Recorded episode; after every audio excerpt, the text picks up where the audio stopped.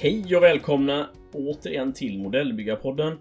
Den här gången sitter vi faktiskt nu alldeles nyss hemkomna från en fantastisk resa. Eh, denna resa är gjord till Göteborg, till Eroseum på AIM, eh, Art in Miniature. Hej mina vänner! Hallå, hallå Christian! Hallå, hallå! Hur mår ni? Trött, men eh, glad, får jag väl säga. Mm.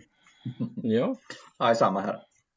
Det är samma här, det är samma här. Är ni eh, trötta på ett, på ett skönt sätt eller på ett utmattande sätt? Ja, hur ska man svara på det? det, äh, det var, jag var väldigt uh, uppspelt, det var väldigt mycket tankar i huvudet. Sen kom jag hem här, käkade lite och sen helt plötsligt var det som att gå in i en vägg bara. Det, mm. Det var bara, energin tog slut. Men nej, men det, har, det är nog på ett skönt sätt. Ja, vad jag kommer somna jag... med ett leende ikväll. Ja, jag håller faktiskt med dig och jag hade ju um, otur när jag tänkte så att jag åkte ju till Ikea efteråt för att hämta, köpa lite mer saker till mitt byggrum. Uh, så att jag kom inte hem förrän en timme senare än vad jag hade planerat. Så att jag, nej, jag är också lite trött och, och men lycklig, glad och batteriladdad känner jag mig faktiskt ändå. Mm. Uh, det har ju varit en spännande helg, minst sagt. Och du då Erik, du hade inte så långt hem ju. Ja? Nej, 17 minuter. Så det var ju väldigt skönt. Men däremot så har jag ju slitit nu i två veckor och varit uppe till efter midnatt varje kväll eh, och hållit på med det här bygget. Så att eh, ja, det, jag, jag, jag är fruktansvärt trött nu. Du har, du har, lite, du har lite backlog att ta hand om där. Ja, jag, jag har ett byggrum jag måste stänga med bombnedslag. Så att, mm. det är lite, lite efterarbete. Ja. Men eh, det gör man ju med nöje. Så att, jag är trött men lycklig, som ni säger. Mm.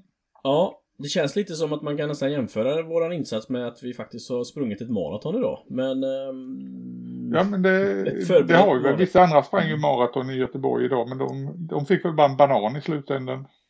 Och vi fick, eh, vi fick äran att köpa massa roliga saker på, på mässan. Vill ni, eh, Erik, vill du berätta lite om din upplevelse på, på, på helgen här? Ja. Eh, nej men som sagt var, man eh, bygger klart det sista eh, lite på tidigt på morgonen samma dag där, eller över midnatt. Eh, var ju check på det, ja. så det var ju lite roligt att ha gjort det. Nej men sen ut där med, hade ju med mig eh, ett diorama och fyra vignetter. Och så ett annat litet bygge som vi hade på modellbyggarpoddens bord. Då. Allting rymdes smidigt i en flyttkartong så att det var ju väldigt bra att bära med sig den bara ut och det stod så tajt i den här kartongen så jag behövde inte ens säkra det med någonting så att det, de skavde lite mot varandra bara. Eh, men så kom man dit och det är ju en häftig Aeroseum är ju jätteschysst ställe att vara på. Jag hade ju varit lite skeptisk till hur de skulle lösa belysningen som sagt var men det var ju mycket bra ordnat med de här lamporna som de hade investerat i och hängt upp. Och salen är ju fantastisk, tycker jag. Och, jag blev imponerad när jag kom dit och, och såg upplägget. Ja, verkligen. Och lamp belysningsmässigt så tror jag många blev... Det var nästan för bra belysning. Ja. det var Nej, men väldigt och, avslöjande. Och framförallt att det inte var något störande dagsljus mm. som kan komma in och, och, faktiskt fördärva många modeller eh, jag tycker, jag tycker ljuset var absolut mm. föredömligt alltså. Det, det, är så, det är så verkligen så jag vill ha det över byggorden. Ja. Mm. ja men jättebra. Man ställde upp sina modeller där, checkade in sig och, och, och sen så satt ju vi vid bordet där man mös och man gick runt och tittade lite. Och, Alltså jag, nej, jag gick och handlade också. Det var ju, jag vet inte vad den här firman heter, som eh, den stora tjeckiska firman. Där köpte jag ju fyra gånger, omgångar handlade jag. Diverse saker. Det var jätteroligt att bläddra. Man hade mycket figurer och tillbehör och, och så. Så att det blev... Äh, jag, nej, jag, jag, är jättenöjd. Det fanns alla element man ville ha. Liksom. Schysst miljö, bra handlare, mm. eh, bra upplägg eh, och så. Så jag är verkligen bra. Ja. Nej, jag håller med. Det var faktiskt föredömligt och som sagt de här människorna som engagerar sig eh, så djupt och hårt i, i, i den här ideella verksamheten och planera och, och vara där dagarna innan och eh, städa och sätta upp bord och allting. Nej, det är fantastiskt. Utan dem hade det här ju aldrig fungerat. Så mm. att eh, det är verkligen, verkligen bra. Vad, vad, hur, ehm, är det någonting eh, Fredrik som du vill fylla ja, på? Där? Ja, vad ska man säga? Lokalerna var ju som Erik sa skithäftiga. Det är helt underbart. Mm. Jag var väl lite orolig ett tag innan tänkte, för jag kommer inte ihåg hur det var sist jag var där att ska, nere i bergrum, ska det vara kallt det eländigt på det sättet. Det var ju, det var ju t-shirt-värme där verkligen. Varmt och gött och riktigt mysigt. Mm. Mm. Garvade ju lite innan när, jag, när, vi, när man körde in på parkeringen. Ja, det var ju också lätt att parkera och sådana där saker. Det var ju också föredömligt. Det var ju inga problem. Eh, men att eh, den här helgen har varit en av de soligaste på länge. Och då tar vi och kryper ner 20 meter i berget. Och gömmer oss från dagsljus. Ja, det, jag vet inte vad det finns för ironi i det där.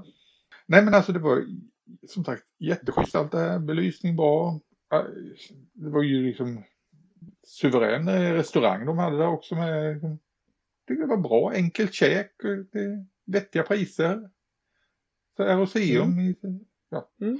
Nu hade jag, det var inte så länge sedan jag var på Aeroseum och tittade på utställningarna där så det, det gjorde jag inte så stor sak. Men, ja, men jag tänker för de som är besökare, de har ju också verkligen någonting annat att titta på förutom eh, AIM.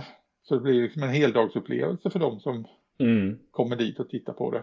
Nej, men det är och fan, som du sa, fantastiskt bemötande av eh, hela den här crewn som eh, skötte eventet.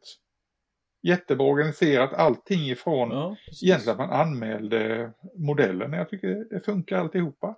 Mm. Nej, jag är helt enig. Jag är helt enig. Och som sagt, miljömässigt också så är det ju lite spännande och kul när det är lite för det blandas ju vanliga besökare med eh, oss modelltokar. Mm. Eh, så att det, det blir lite ganska skön miljö och stämning när det är. Och det springer lite barn och det är familjer och allting sånt. Så att, eh, vad, men hur var, vad tyckte ni om själva modellutbudet då? Eh, alltså själva eh, de som ställde ut? Jag tycker det är synd att vissa klasser är väldigt underrepresenterade. Det är väldigt få modeller i vissa mm. klasser. Men det är ju det är svårt att göra någonting åt. Man kan inte begära till exempel att, eh, all, att det ska finnas minst eh, tio stycken modeller i varje klass eller något sånt där. Det, det är ju omöjligt. Att, utan det är ju vad folk bygger. Men eh, ja, det, det är synd att vissa klasser blir väldigt underrepresenterade. Och sen, det är, det är väl i så fall en grej som jag har funderat lite på eh, när det gäller information och det gäller väl i de flesta tävlingar när man ska som tävlande innan tävlingen eh, ta liksom och bestämma vilken klass ska min modell tävla i. Mm. De flesta tävlingar som jag har ställt upp i och så vidare, där är informationen ganska dålig om vad är det egentligen som passar i vilken klass. Eller så är det bara jag som bygger väldigt konstiga saker som inte passar någonstans. Mm. Nej men det, det, är lite, det, är lite otyd, det är lite otydligt alltså, det tycker jag. Ja, och sen som vi pratade om vid ett tillfälle också här under, under den här helgen att det hade ju varit eh, snyggt om, de om man hade haft en standard när det gäller de här olika klasserna. För det skiljer sig väldigt från tävling till tävling också. Mm. Så det, är, det blir lite förvirrande på det sättet. Vad menar du med standard då menar du? Att, uh... Nej men, eh, ska vi ta som exempel? Här eh, på AIM så har vi vignetter som är en kategori. På C4 finns inte kategorin vignetter. Där har man istället eh, sådana saker som två bedömningskategorier. Förenklad och fullständig bedömning. Mm. Och sen har du istället för vignetter, det närmaste du kommer där är figurer i miljö. Och eh, ja, det här med dioramer det är väl egentligen bland de knepigare kategorierna att, att eh, kategorisera. Men lite så här mer standard. Ja, och det är väl som du säger, vi, vi bygger väl eh, halvkonstiga saker. Det är väl oerhört lätt naturligtvis för, för en pansarbyggare eller en flygplansbyggare att veta vilken klass man ska ställa upp i. Det är det ju skalamässigt och tidsera och sådär. Men jag, mm. jag, jag håller faktiskt med. Det kan vara lite svårt ibland då. Det, det är det faktiskt.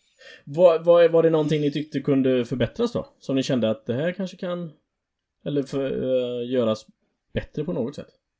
Eh, nej men det är väl just det här förarbetet med information och så vidare. Där skulle jag vilja se vad ska jag säga, bättre information mm. när man ska välja. Och sen kan jag väl säga att hela eventet kändes ju för kort när man var där. Man hann ju inte göra allt man ville.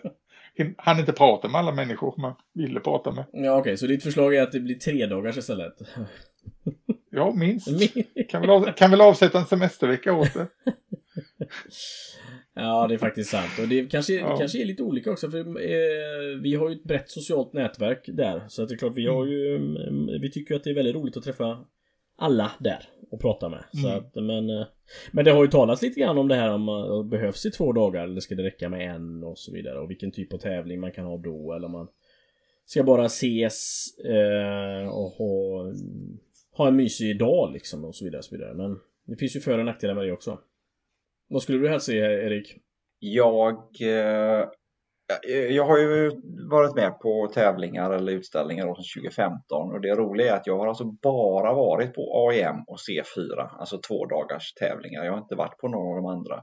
Så jag, jag kan inget annat. Så jag har ju vant mig vid det. Så för mig så är det helt självklart att en stor svensk modelltävling med att det ska ställas ut och det ska, domarna ska ha tid på sig att döma och allting och det ska komma dit handlare så att det blir liksom den här fylligheten mm. och kvaliteten för de som kommer dit. Så jag, för mig är det helt självklart att en sån här stor att de tre största, nu, nu har ju 08 ett, ett uppehåll då så att säga, men om vi räknar in de, de tre, att de tre hade varit sådana här två dagars, det ser jag som självklart. Eh, mindre tillställningar kan ju med fördel vara över en dag som många av dem är då kanske, men det blir väldigt svårt för domarna att, att hinna bedöma om man ska ha seriös prisutdelning och, och så här. Det är det som jag ser som är det största problemet. Och det här med handlarna, att du får inte en, en check, en tjeckisk firma att åka hela vägen ner. Eller ens en svensk firma och packa ner. Fatta allt jobb det är. Och, och, och packa ner allting, köra ner kostnader med bränsle. Och, mm. det, det finns inte en chans att de hade kommit. Men där mm. har vi väl också en, en skillnad att eh, de här stora tävlingarna, där har vi ju IPMS inblandade i det. Det är ju IPMS-klubbar som står bakom i ja. Eh, Malmö, Göteborg, Stockholm. Men många av de mindre, det är, det är inte IPMS utan det är ju entusiaster och lokala föreningar och så vidare som och där har vi just det här med dömandet också, kom, blir ju annorlunda på det för IPMS som det är där vi har de professionella domarna, eller där vi har domarkollegium. Mindre mm. tävlingar, där är det ju de tävlande som dömer. Där är man ju meddömare och där är väl dömandet som jag ser lite underordnat det här man får ställa ut och visa och eh, umgås. Ja. Att det, att det blir lite publikens prisvariant sådär att man att, att de som vill rösta det är mer en utställning ja. och, och, vi som ställer ut på utställningen, vi, eh, det är vi som bedömer. Mm. I första hand. Och, ja, vi får se vad framtiden har i sitt sköte kring... Men, men, men är det inte rätt bra det här att vi då har en mix av tävlingar i Sverige? Att det finns endagars och det finns tvådagars. Jag menar, då är det fritt upp till alla att åka på den träffen som passar dem bäst. Det, mm. det hade varit sämre om det bara var två dagars eller en dagars i Sverige. Nu finns det ju faktiskt eh, båda alternativen. Mm. Sen förstår jag folk som, som eh, kanske beklagar sig över det här att det är två dagar, du måste offra en hel helg och man bor man då långt mm. ifrån Göteborg, om tävlingen nu är i Göteborg, så är det ju, det kostar ju då dels att ta sig dit, sen ska man bo över på något sätt och sen kan du inte åka hem på söndag förrän klockan fyra när det stänger ner och mm. jag förstår de pro problemen men då Ja, då får man väl i sådana fall välja och, och, men, och, bara åka dit och titta en dag och inte ställa ut dem. Men å andra sidan så kan ju ja. folk åka land och rike runt för att åka på en konsert och lyssna på den en, en helg. Ja. Så det, mm. Allting är, är, ju beroende på vad man eh, har för intressen. Så det ser jag inte som mm. ett, ett bekymmer. Men just det här, jag håller ju med om att det, det, behövs den här mixen av eh, stora och små. För mig var det ju det att jag började ju, min första upplevelse av en tävling, det var ju på en liten tävling och det var väldigt alltså, så avväpnande och avslappnande. Det var visserligen, det var ner på F10 Memorial, det var visserligen två dagars, men det var vi som tävlade som bedömde varandras modeller. Det var litet i formatet, det var intimt. Och det sänkte mina axlar rätt rejält när jag började tävla. Så det, ja. var, en perfekt, det var en perfekt Nej, ingång. Mm. Jag kan tänka mig det. För, det. för det är klart att en del är ju också lite om man aldrig har tävlat så kan man ju vara lite rädd om man åker till en tävling där man tänker att det är mycket jag ska inte säga prestige, men det är där, man tar det på ett stort mm. allvar så att säga. Och, och då eh, vågar man kanske inte bli bedömd på, på samma sätt så. Ja, nej, eh, spännande, högst spännande. Ja, men, men först Christian, du då, hur upplevde du det hela? Ja! Eh, nej men jag, eh, som sagt den här sociala biten är ju, det skulle jag nog säga primärt därför jag åker ner till de här tävlingarna. Det, det är ju det är en speciell känsla att få prata med människor som har samma intresse som en själv som kan relatera till eh, eh, och det är väl jag har ju goda vänner som bygger även alltså som jag hänger med som också har förståelse men det här att prata med folk som förstår vad man går igenom, på att säga. Eh, det är värt väldigt, väldigt mycket tycker jag. Och att man lär sig mycket och man blir inspirerad. Man får liksom en liten sån boost på något sätt. Eh. Så jag, jag, jag för mig sådana här tävlingar och träffar är jätteviktiga. Verkligen. Alltså, ja, du är... Får jag bara flika in där en, en sak, ja. det här med två dagar, så just det här sociala som du var inne på där Christian. Det är ju mm. det, och det märkte jag ju nu. Eh, jag känner ju inte så jättemånga. Eh, nu, nu känner man ju lite fler då i och med att man, man har med podden och så här, mm. man kommer i kontakt med fler människor och man är med på lite mer forum och mm. chattar och sådär. Men då tänker jag så att när man kommer första dagen, då blir det lätt att man, man hejar på några, man kallpratar lite grann så här bara. Va? Men mm. har du väl gjort det för första, med någon för första gången till exempel, någon, någon ny då, man lär känna lite grann bara. Men så släpper man det. Men sen dagen efter när man ses igen, då finns ju en chans att ta upp det och prata lite mer med samma mm. person. Och det är ju då man börjar lära känna folk. För är det bara de här endagars, man skakar hand, säger hej hej, pratar 10 sekunder, ja, men du kommer aldrig närmare då kanske. Men, men två dagars är rätt bra mm. socialt så sätt att man kan. Ja. Det, det ser jag som en fördel.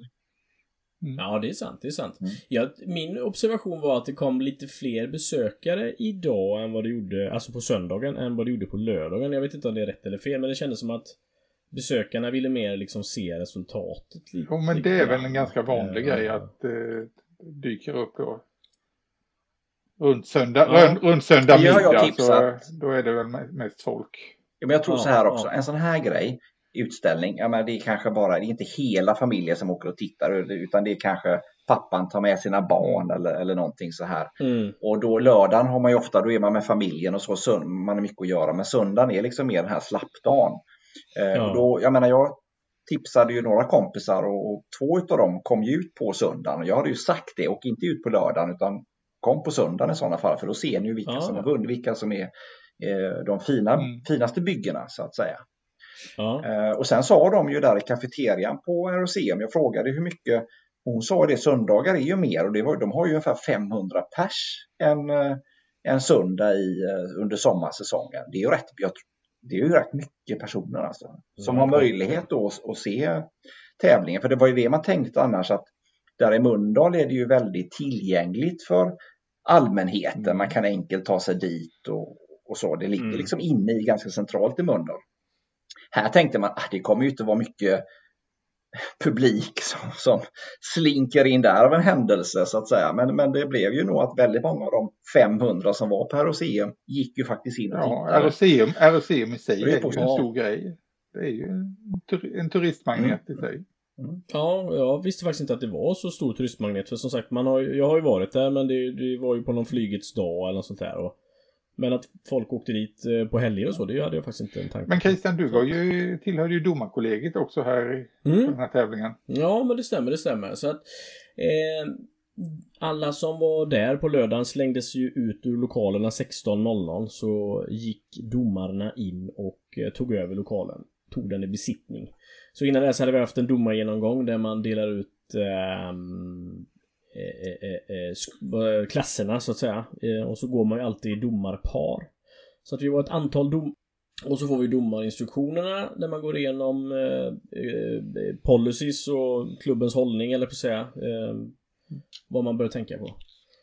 Och, och, och sen går man loss och tar de klasserna som man har blivit tilldelad och sen på slutet hjälper man åt med, med de, de sista eller de mindre klasserna som är mm. lite sådär mittemellan. Så att, eh, och det är ju fruktansvärt kul att döma. Så jag kan verkligen rekommendera att man ska gå som domarlärling ett tag och eh, eller ja, hänga med på, på och doma, eh, döma. För att det man lär sig mycket utifrån de här premisserna man dömer. Det är ju generellt sett fyra stycken premisser man följer efter.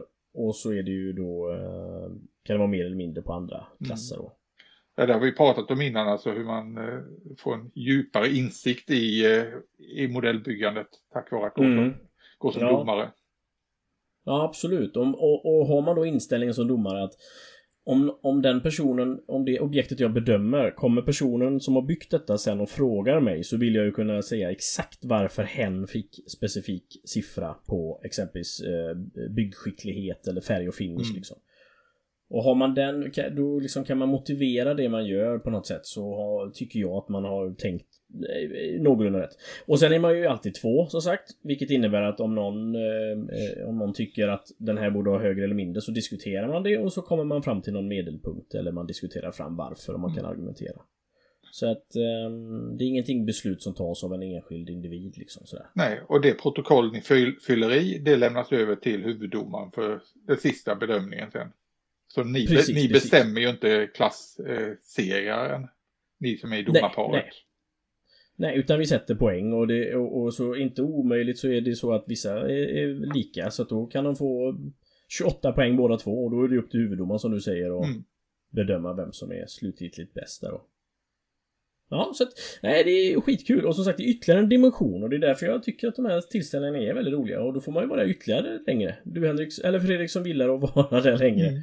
Du, och nu har du varit där också så det är ju inget, ja. inget konstigt. Nej, nej men det är nice. Men som sagt, eh, ni fick ju faktiskt gå upp på scen, båda två. Ja. Eh, in, inte bara flertalet gånger fram och tillbaka för att hämta eh, era ordinarie klass, klassificeringsbedömningar. Eh, men ni fick ju faktiskt gå upp på scen eh, av en SM-anledning. Ja. Så jag får väl säga... Erik, hur känns det? Jag får säga grattis Erik. Ja. Första SM-tecknet till första guldet. Ja, det är, ja, nej, jag, jag ska inte jag ska inte hy hymla. Jag ska säga att eh, när jag var på första OEM 2015, man kom där glad i hågen. Jag har gjort en jävla resa liksom att, med hur man har utvecklats. Och jag har varit med flera gånger där man har blivit helt så jäkla besviken på dom, hur, vad man har fått för bedömning liksom och sånt här. Så det har varit verkligen berg och dalbana för mig. Och så det var en otrolig mm. Känsla att, få uh, den, det kvittot att man uh, har gjort något som faktiskt är uh, ja, men, mm, hyggligt ja. bra eller riktigt bra faktiskt. Det, det sparar ju mig att fortsätta och försöka bli ännu bättre. Det är ju det som är det bästa med det här. Det är inte så att man lutar sig tillbaka nu. Ja, nu kan jag rida på det här. Säga det, är också, Utan det är tvärtom. Eftersom vi inte nämnde det, att det du fick SM-tecken för det var att du är nu svensk mästare i dioramabygge. Mm. Mm. Ja. ja, i uh, diorama och vignett slås ju ihop då bäst av klassegrarna där så, så utser de en vinnare. Så det var ju diorama och det var ju mitt uh, 1.35 bygge uh, som slutligen döptes, fick titeln Der Gefallene Drachen. Uh, så att, eh, nej, och sen hade jag ju, ja, sen hade jag ju med fyra vignetter också. Eh, och där fick jag ju ett eh, hedersomnämnande och ett särskilt hedersomnämnande. Och det var jag ju väldigt ja. glad för. Det var mitt första fartygsbygge där. Ja. Min lilla vignett med ubåts, den japanska ubåtsjagaren 1-700 fick ju särskilt hedersomnämnande. Och det var ju mycket glädjande. Men du, ditt diorama, det har ju, det har ju varit en jäkla resa med just det dioramat. Ja, det här är, det, det, det har, ju, jag har ju, som ni vet, så har jag ju pendlat mellan hopp och förtvivlan.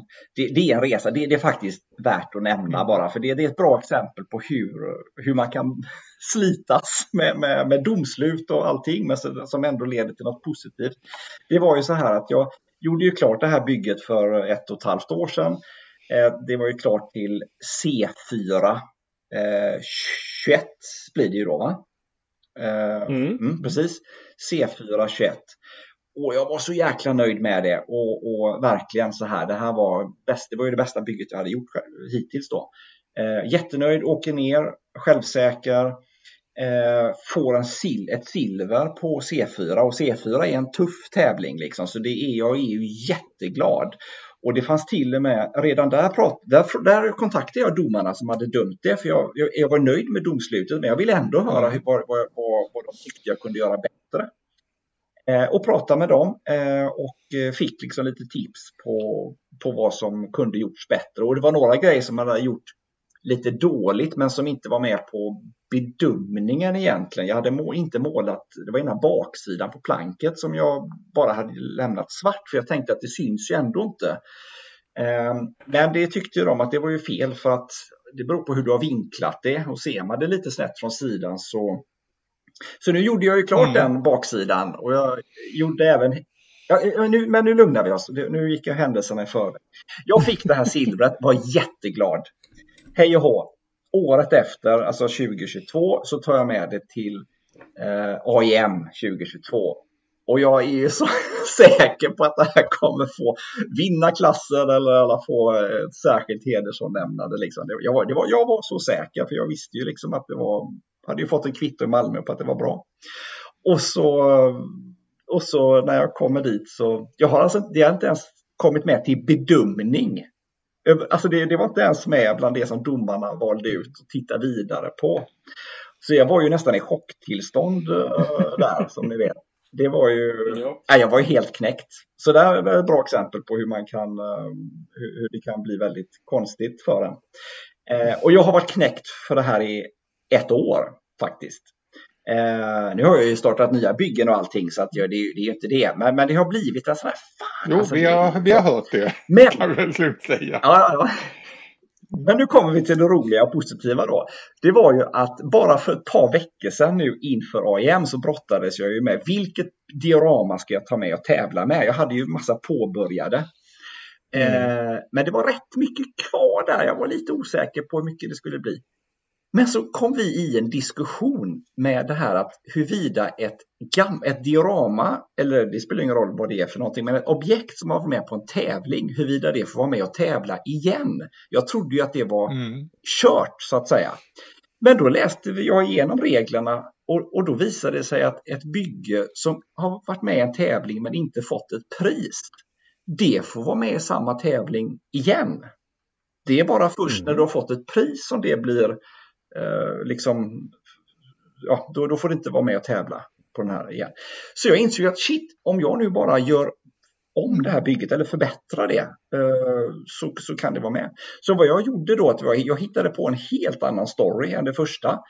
Bytte ut de flesta figurerna och då synade jag ju mina figurer och, och det Eh, markarbete och sånt som, som eh, jag hade fått kritik för, för AIM av domaren. Jag pratade med domaren då också så att säga för att veta vad jag kunde göra bättre. Och då när jag tittar på det här bygget så inser jag att det här var ju inte så jäkla bra som jag tyckte kanske då. Så det var ju nästan lite skämmigt att, ja ja.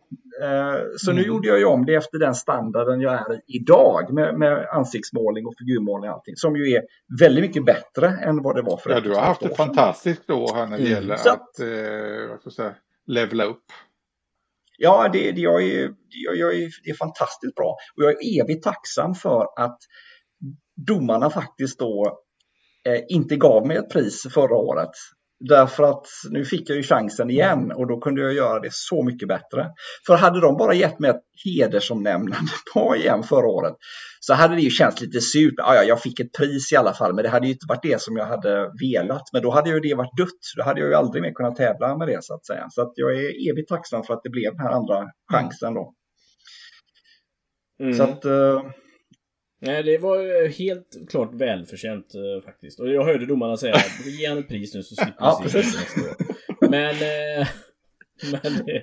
Nej, men det kom fram uh, faktiskt folk där som hade ja, från OEM och berömde det och tyckte det var bra och så. Så att jag, det var jätteroligt så att nu kan jag vända blad med det och gå vidare. Det, Nej, jättekul faktiskt. Ja, ja nej, som sagt välförtjänt och eh, som sagt både vignett och dioramaklassen gjorde du jättebra ifrån dig. Så att det kändes mm, eh, trevligt. Tusen tack. Och du var inte lottlös du heller? Nej, jag fick ju också ett SM-tecken. Den här gången ja. var det faktiskt fartygsklassen. Jag eh, tog inte med mig några dioramer eller någonting sånt där. Utan Nej. jag hade med mig sex modeller totalt, bara fem stycken var fartyg, eller rätt sagt fyra var fartyg och en var en ubåt. Och den sjätte var ett flygplan. Ganska udda när det gäller mig va? ja. Men å andra sidan, om man såg flygplan, när man hade sett flygplan så förstod man att ah, det är Fredrik. För det, det var en liten Arado i, eh, vad ska jag säga, målad som eh, den där flygplanet i Tintin och den mystiska stjärnan. Och den var i skala 1 mm. på 700. Jag bara tänkte att ja, men det kan vara kul och det var Eriks förtjänst egentligen, eller fel att jag byggde den. Ja. För du, han började laja runt med 1 mm. på 700 figurer under tillfälle här i somras. Ja. Nej, så det, det blev ju faktiskt då ett eh, både klassseger eh, när det gäller fartygsmodeller och mm. eh, ett SM-tecken också. Just fartygsklassen. Och ja. det var ju... Eh, det, det, var, Liberty, det var Liberty-fartyget där var ju John W. Brown mm. som, eh, som jag vann med. Ja, det är faktiskt fantastiskt. Man kan verkligen titta på den klassen länge och bara dregla sig bort. Det är eh, amazing. Nej, sen blev det också då ett hedersomnämnande, två särskilda hedersomnämnande. Ja. Mm. En grym, en grym eftermiddag helt enkelt. Jag är jättenöjd. Och det, nej men det är kul att för mig har det också varit en resa det här med att ge mig in i fartygsvärlden. Det mm. har en väldigt stor osäkerhet. Jag har gett mig in i det. Sakta ja. men säkert tuggat mig fram. Nu är det snart inte många klasser du inte har fått pris i. Ja, det, det är väl, jag kan väl Flyg, flyg, och, pan, flyg och pansar och bilar. Och civila fordon, ja precis. Nej, civila ja. fordon har jag faktiskt mm. Eh, några klassegrar i faktiskt. Ja, du ser. Ja, du ser. Jag för ett par år sedan så vann jag ju i den här klassen fordon över två ton. Oh. Lastbilsklassen alltså. Jaha. Ja. Och då var det ju de här stora 1-24 lastbilarna jag tävlade mot med en liten brandbil i skala 1-87. Mhm. Så det ja. Så det behöver inte vara stort bara för att det är tungt. Nej, verkligen inte. Nej, Nej vad kul. Men du var väl inte helt Nej, lottlös heller, du, Christian? Jag tog ju också sopade hem ett par segrar. Ja, precis, precis. Nej, men det blev eh, klasseger i vignettklassen och så en utav civila fordonklasserna där. Eh, så jag hade mitt Hunting Ground eh, och, och, och så hade jag ställt dit en liten tös den här gången med ett scratchbyggt luftgevär på ryggen som spanade ut över eh, sina jaktmarker. Mm. Uh, utveckla också att, koncepten. Ja, utvecklar också koncepten lite. Så att, uh, men nu får, nu får det bli hemma framöver det, mm. det bygget. Så att, nej, så det är ju alltid kul som sagt att få det här lilla. Och civila fordon, var det en traktor? Och så var det en röd amerikansk militärtraktor som jag har gjort om till en civil dito. Så, mm. men nu pratar ju du och jag det om Fredrik att bilar, alltså det ligger ju nära till hands på något sätt och ge sig på att testa det. Ja, jag har ju i princip lovat att jag ska eh, bygga bil. Mm. Jag har ju lovat eh, Claes Bäckfries det att eh, jag ska bygga bil. Ja, nej men det... För Claes och, Jer Claes och Jerker, eh, de förväntar sig att eh, jag till i alla fall nästa sommar ha med mig en bil upp till Grevens. Ja, det är väl en bra målsättning. Och eftersom att jag ska släppa med dig också till Grevens eh, nästa sommar så måste du också ha med dig en bil. Nästan så det är entrébiljetter. Ja, jag tänker att annars så får man faktiskt inte komma in om man inte har med sig en, eh, en fyrhjuling dit på något sätt. Mm. Uh, du har helt rätt. Så att jag har lite objekt hemma faktiskt redan. Jag har en Audi 80 som jag är lite sugen på att uh, bygga. En sån riktigt ful uh, tidig 90-talare. Ungdomssynder. Ja, lite, ja, men det är verkligen sådana vibbar man får. Så att... Uh, mm. Ja. Men hur vädrad kommer den vara då? då? Nej, men det, det, det, antingen... Jag kan... Eh, det, det här har vi pratat om också. Antingen så gör... Man vill ju inte göra någonting som känns lite gjort. Och det är klart att en... En bubbla som... Där det som har förvandlats till ett grisboende med lera och mossa på och så vidare. Det vill man ju inte göra om. Den Nej. typen av. Det har Per-Olof gjort redan. Det är. Eh, det var visserligen en pickup men inte en, bu en bubbla. Men... Det är precis, precis. Men det är konceptet liksom. Men, men, och samtidigt vill jag inte göra den fabriksny och jag vill inte göra den som ett vrak. Så någonstans mitt emellan. Alltså vardagsnyttjad. Ja men det är väl den resan vi behöver göra, vi som är vana vid att eh, matta ytor, mm. nervädrat. Eh, ja, det är, det är väl som jag sagt innan, vi skräms lite av det här blanka, uppolerade. Vi måste, ja. jag tror vi får ta det i etapper.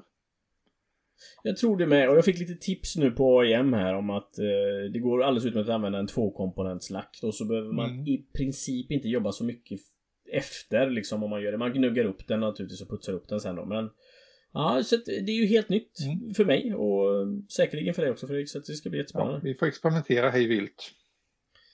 Det får vi. Vad säger du Erik, ska du hoppa på tåget också? Jag önskar, jag skulle jättegärna vilja säga ja till allt, men jag, jag, jag är realist i det här fallet. Så att, uh, jag skulle vilja ha med mig något snyggt till, um, till, till uh, C4 uh, och EM till nästa år. Då, då, är, då jag jobbar nog, fortsätter att jobba med det jag är he mest mm. hemma vid. Så att säga. Mm. Ja, men vi skaffade väl alla tre små tjeckiska trehjulingar. Köpte du också mm. Christian?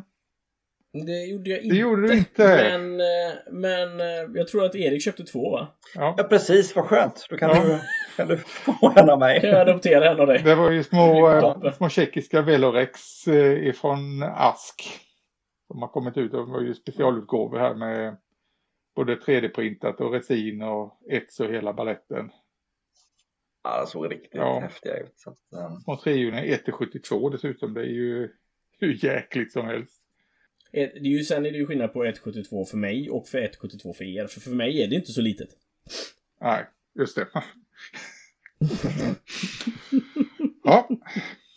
Ja, jo då, så att... Eh, ja, jag säger då det. Men shoppar ni någonting också eller? Eh, ja, det blev väl en del shoppat. Ja. Eh, en del, jag, jag gick ju loss eh, som bara den. Nej, men det var ju... Eh, det var ju gänget AEM, eh, eller jag ska säga IPMS eh, Göteborg som eh, sålde ut delar av ett dödsbo när det gällde modeller. Mm. Även modellbyggare går bort tyvärr. Och lämnar efter mm. sig obyggda modeller så det var en stor samling som de hade och att ta hand om. Kommit överens med de efterlevande att de skulle försöka sälja av de här. Mm. Så där hittade jag en hel del intressant i fartygsväg. Eh, det var ju ryska Kombrig-modeller. Kombrig är ju ett, eh, ett märke som är sällsynt om vi säger så att när det gäller fartyg. Äldre fartyg, de är, Kombrig är specialiserade särskilt då på fartyg första världskriget och ännu äldre. Och de gör dem i det är mm. vi pratar här i 1 350. Och det är verkligen state of the art grejer. Det är bland det finaste man kan få tag på. Och eh, de såldes ut väldigt billigt så jag kom ju hem med hela fem stycken. Jag trodde aldrig i mitt liv att jag skulle få se så många Combrig-modeller. Så det är stor lycka. Ja, och det är som du säger State of the Art också, för det var ju inga sådana resinmonster. Nej, nej, nej, alltså det här är så krispt eh, och så fint och nej, det är helt fantastiska mm. grejer. Och ja, udda eh, fartyg också sådana här. Som, man skulle nog aldrig få se dem i modeller om man inte ser dem som resinmodeller. Men det är mycket Nej. jobb på dem. Det är ingenting för en nybörjare att ge sig på en sån här resinmodell.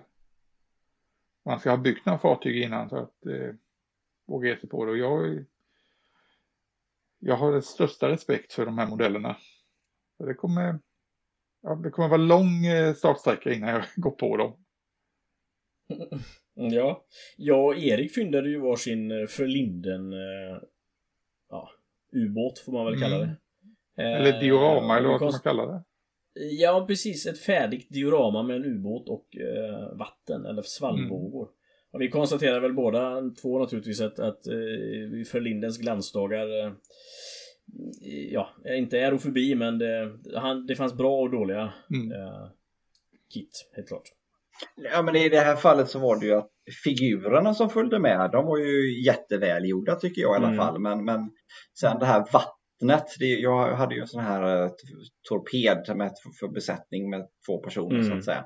Och då uh, var det ju överkroppen på figurerna som var löst och, och jättedetaljerat och sen så mm. benen de satt ju på Eh, torpeden som uh, låg i vattnet som var i ett stycke. Då, och de här, diorama, de här dioramaplattorna ja, de här dioramaplattorna de var gjorda då av eh, polyuretan som liksom extra, som blev här, som svällde upp i en form. Ja, ja, ja. ja. För, ja, för det känns ja, verkligen att det är en speciell Det är sån här, det är sån här PU, PU-form. Och när det mm. kom, nu pratar vi 90-tal här, det var revolutionerande. Det var mm. verkligen revolutionerande grejer. Alternativet innan det hade ju varit en tung resinplatta. Ja, precis. Så det var ett lättviktsmaterial och det var hanterbart och kostnadseffektivt också. Men mm. som ni säger, det, det, det märks liksom att utvecklingen går framåt. Se det, se det som tidsdokument, det ni har fått tag på. Förhåll er till det. Ja, det får vara lite... Spara det i ja, 30 år. Det är ju jag har i alla fall en, eh, en sån här ett sånt här förhållande till Ferlinden-grej att för mig är det, man ska säga, memory lane. Det är, det är nästan samlargrejer på det. Ja men det är sant faktiskt. Och det var lite intressant att se. Det var någon som ställde ut i figurklassen så var det ju en gammal Ferlinden, den här ehm, eh, amerikanska soldaten som ligger och vilar i Vietnamkriget mm. på och, och, jag hade aldrig sett den IRL innan så att det, då blev det genast en lite sån memory mm. lane grej liksom att se den. För i och med att man har dreglat i katalogerna så många bra år liksom. Och så. Men sen som, som vi har pratat om också oss emellan innan att själva figur, Ferlindens figurer de håller inte idag i samma, samma klass som de gjorde förr. Nej, nej, nej. Där har man blivit duktigare på att skulptera och eh, framställa figurer. Men på 90-talet mm 80 och 90-talet då var det ju bland det roligaste eller bästa man kunde få tag på. Ja. Men, men... Jag får ju lägga in en liten passus där. Jag har mm. ju ett par Verlinden och eh, det var ju någon av figurerna i mitt diorama. Mm. Uh, Der Gefallene Drachen som faktiskt var Verlinden som jag är väldigt uh, nöjd med. Det var väldigt, nu bytte jag ju faktiskt ut huvudet i och för sig till hånet men det, hade, det var inte för att Eh, det originalhuvudet var dåligt, mm. absolut mm. inte. Det var bara för att han skulle titta upp på mm. taket. Så Nej, det, gäller, det gäller absolut inte all, all, eh, alla Ferlinden-grejerna att, att tidens tand har gjort att de har passerat till, vad ska säga, garderoben. Nej, utan nej.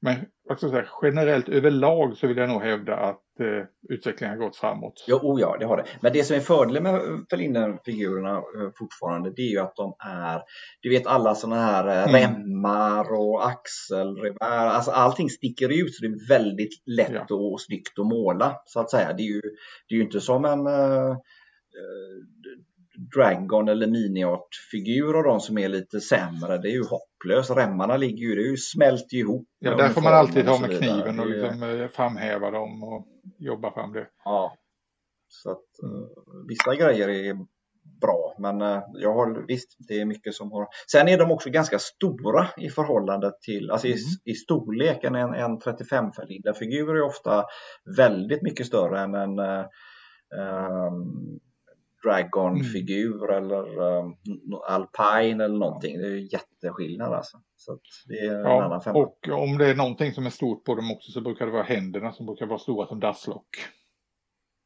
Rent generellt. Mm, ja, mm. ja, det är sant. Men nu matchade jag ju den här Felinden med mm. Warrior som ju är en fortsättning på Verlinden. Så jag lyckades ju hitta då figurer som var ganska mm. stora i storleken så att säga. Så då var det ju inget problem. Och det, men det är ju intressant att du säger det Erik, för jag tänkte på dina figurer, det var ju ingenting man noterade att det, att, att det på något sätt kändes som att det var olika fabrikat. Uh, nej, nej, nej, men det är ju det. Du, du, ja. du gäller att hitta. Jag, gör, mm. jag lägger ju mycket, jättemycket tid på att hitta figurer som matchar varandra. Då måste mm. man tänka på det, att de ska stämma. Det får inte vara att en är, är man ser verkligen att det är olika fabrikat och då blir det olika storlekar. Sen kanske man dessutom målar dem lite olika, utan här gäller det att välja figurerna, måla dem med samma liksom vid samma tillfälle så du inte får att de är målade med olika sorters färger. Du kanske får lite olika glans på dem. Mm, ja, men du vet så här. Va? Så att det, eh, jag hade ju med, även om jag då återanvände någon av figurerna från dioromats första uppsättning så målade jag ju om i stort sett hela den figuren bara för att det skulle bli med samma färger som jag använde till de jag målade för första gången då för att det skulle harmonera. Men det, ja. det, det är intressant just det med figurer om vi ska gå tillbaka till AEM, till tävlingen och även då till andra tävlingar. Att just figurer, när man skalindelar dem på en tävling så kör man efter millimeter, mm. det vill säga höjden på figuren. Inte vilken skala de är i. Jaha, det visste jag inte. Ja, men det hade ju alltså... Man ska, mäta, man ska mäta sin figur. Ja, men du har alltså, vad ska jag säga, det är inte 1 35 figurer, det står det ju inte, utan det är ju, vad blir det, 5, 50 millimeter och mindre eller 69, ja. Ja, 51. Så det, och det är den här höjden, för att nu ta liksom, om att för Linden-figurerna stora. Höjden på en figur, när man pratar om en 54 mm figur, normalt sett så tänker vi 1 32. Men det kan lika gärna vara 1 på 30. För mm. höjden mm. på en figur, historiskt sett, den mäter man upp från marken upp till ögonhöjd på figuren. Där ska det vara 54 mm. Och så är det även då med gamla spelfigurer, det som en gång var 25 mm, det som sen blev 28 mm eller 30 mm och sen definierar man som, eh, vad är det, heroic scale och och när vi pratar 75 mm, ja vi tänker normalt sett det till 24 men det behöver inte vara det. Det är ju olika beroende på hur Nej. tolkar de det. Och hur mäter man det? Det är väldigt olika det där. Någon kan ju få för sig att ja, vi ska mäta mm. 54 och, men då har vi med liksom eh, att vederbörande har stövlar med rejäla klackar på. Då blir den figuren egentligen mindre någon som står ja. barfota. Någonting jag tänker på med figurer det är att jag tycker att evolutionen har varit att ansikten och sånt oftast blir smalare och kanske något mindre. Alltså att om man jämför med gamla mm. så, så var det ett stort ansikte liksom och, och man märkte att hjälmen knappt passade för att eh, det fanns inget utrymme mellan hjälmen och, och huvudet. Men, eh, men nu är det väldigt smala ansikten och nästan lite svårt att måla för, och för att det är svårt att... Det finns inte mycket kinder att se och så vidare. Det, ja, det, det går bort, på det det går mot realism. Men kan det inte vara också det att mm. när du tittar på de, de figurer som du ser smalare och så vidare. Eh, mm. Förr var det ju i så fall fick vi ha resinhuvuden. Vi har Hornets huvuden till exempel. De är ju smala per definition. De, de, de är anatomiskt korrekta. Mm. Men går vi tillbaka till en gammal Tamiya eller Italari-figur som är injektionsgjuten. Ja. Jag tror att det var faktiskt problem att gjuta så fina detaljer. Mm. Ja, det är bara lite inbildning jag har. Alltså, ja, ja, ja. Att det kan vara svårt att hantera. Vad, vad, tror du Erik? Ja, jag, jag, kan för lite om tekniken när man gjuter och, och så vidare mm. faktiskt. Jag, jag, vet inte. Eller vi kanske ska säga form, formtillverkningen. För gamla typer av formar, de var ju, eh, vad ska jag säga, det var så här pantograf, att man hade ju ett original och sen tog man ju och fräste i stål en eh, ja, just det. nedskalat och verktygen hade ju sina begränsningar där också. Mm. Jag vet inte om det kan vara lite sådana där prylar. Ja, ja, ja det, ja, det, nej, säga, det, det, det, är ämne, det är ämne till en annat avsnitt det här. Ja, ja, nu sidospårar vi lite, ja. men det är alltid bra. Det är alltid kul faktiskt. Vi skalade ju eh, Ja. Eh, vi skalade ur och Där kom Göteborgaren igång ja. egna verklighet. uh. Ja. Men eh, en fråga som jag har till er. Hittade ni några favoritmodeller? Som någon annan hade byggt då? På utställningen? Var det någonting som fastnade i, eh, i skallen sådär? Jag kan säga att för mig var det en modell som fastnade i skallen. Och det var en Mark 1 stridsvagn i 135 med sån här eh, granat... Eh, eh nät på taket ja. Granatnät på. Mm. Den var väldigt snyggt uppbyggd i, i diorama. Mm. Det var en av mina favoriter. Fast den ställde inte ut i diorama.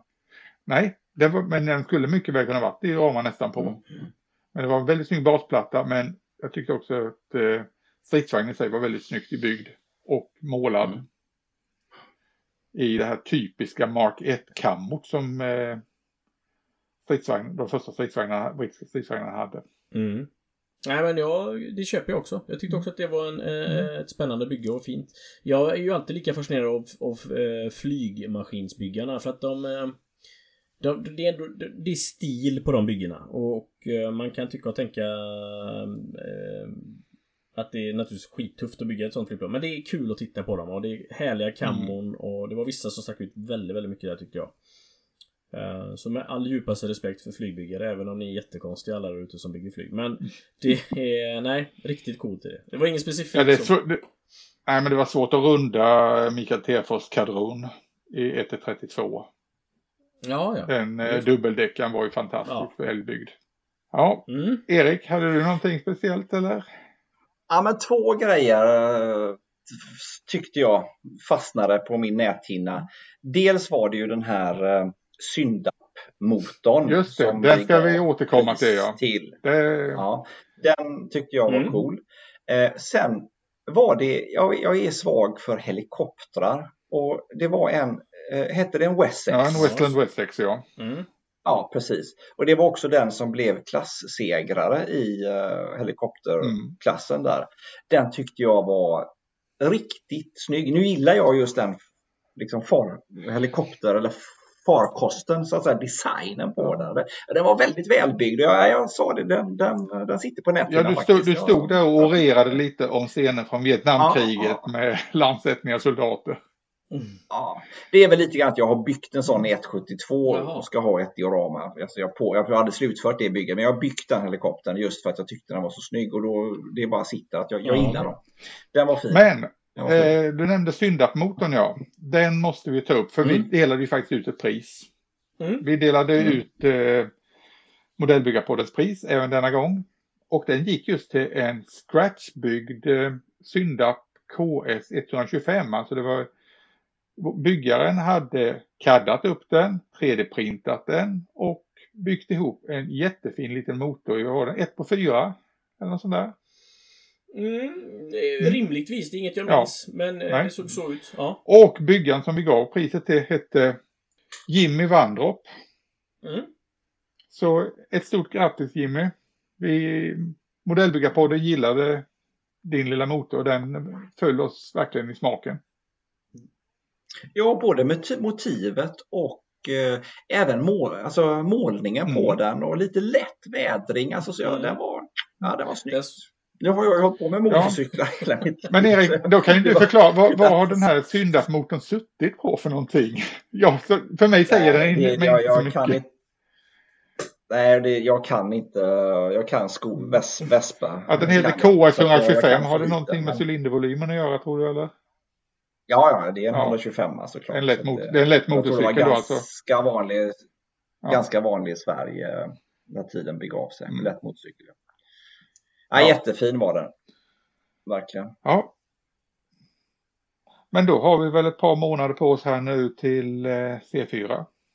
Ja, vi har eh, i princip mm. två månader på oss att eh, mm. komma på lite nya byggen och tankar och idéer om, om vad vi ska... Ja, ta... så vad fasen sitter ni här för? Ut och jobba med er? Ja, vi borde verkligen eh, sätt ställa oss i gruvan och jobba faktiskt. Du har helt rätt. Mm.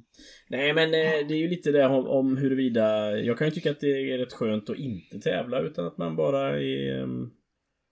Uh, är där och myser och samtidigt så vill jag ju mm främja vår hobby så vill jag ju naturligtvis kunna stötta och visa att vi, det är många som ställer ut och bygger. Vi är ändå nästan 6000 människor med i den här modellbyggargruppen på Facebook och det är någonstans mellan 50 och 100 personer som brukar ställa ut som vi har sagt. Så att uh, ta, ta, med era objekt. Ta, kom nu till C4, mm. ta med dem och ställ ut dem. Uh, please. hur gick det förresten med, hur gick det med t-shirtarna? Blev du av med några? Ja men en tror jag att eh, Erik är skyldig en eh, byggare där. Uh... Jag har alltså talat med två personer som jag börjat tala med av ren slump eller som kommit fram till oss och mm. börjat prata. Och båda de ställer alltså ut för ja. första gången på AIM i år. Så det är faktiskt två nya utställare. Det jag trodde aldrig jag skulle komma i kontakt med någon, med någon som var helt ny, men det är ju två stycken alltså. Det var ja, jag hade också faktiskt två personer, var en ställd ut och det kanske var samma, det vet jag inte. Men, och en som hade fått upp ögonen för hobbyn börjat lyssna på oss och tagit upp bygge igen. Så att eh, ja, vi hoppas att vi för, på något sätt försöker bidra till hobbyns eh, fortlevnad. Um, mm. Ja, det är ju bra. Det är bra om vi kan komma med ett bidrag. Ja, helt klart, helt klart. Mm. Ja, men sen har jag också, jag anmälde mig ju till, äh, pratade med Jakob där på C4 och anmälde mig som, do, och gå som domarlärling på mm. C4 mm. faktiskt. Äh, så det ser jag fram emot jättemycket och öka min kunskap om hur det ja. fungerar. Och han sken upp som en sol när jag anmälde mig. Så det lät som att det, det, det är nog, de vill nog ha fler folk som uh, lär sig döma. Ja, fler domare behövs ju helt klart. Och framförallt då att, att som ni säger, nu var det ju nästan 30 klasser med på AIM och, och eh, det är klart att man, det finns inte 30 olika inriktningar på, på folk så att man behöver ju mycket Mycket domare behövs, så är det ju helt klart. Mm. Men vi är som sagt tillgängliga. Ja, det är vi i sanning. Det är vi i sanning. Japp. Eh, men eh, vad fint då. Då, eh, som sagt, jag ska ner och gräva lite i det jag har köpt och ta upp mina mina fynd och, och det var ganska tråkiga saker. Det var mest förbrukningsmaterial. Så att det är vad jag ska pyssla med innan jag hoppar i säng. Så jag hoppas att ni också får en bra kväll när det är dags. Det kommer vi säkert få. Vi får ha det så gött. Och du också Erik. Mm. Tack detsamma. Hej hej. Hej då. Hej. Tack för att du har lyssnat på Modellbyggarpodden.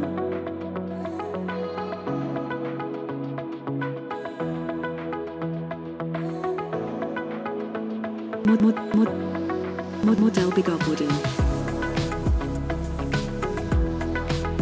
Mod, mod, mod, mod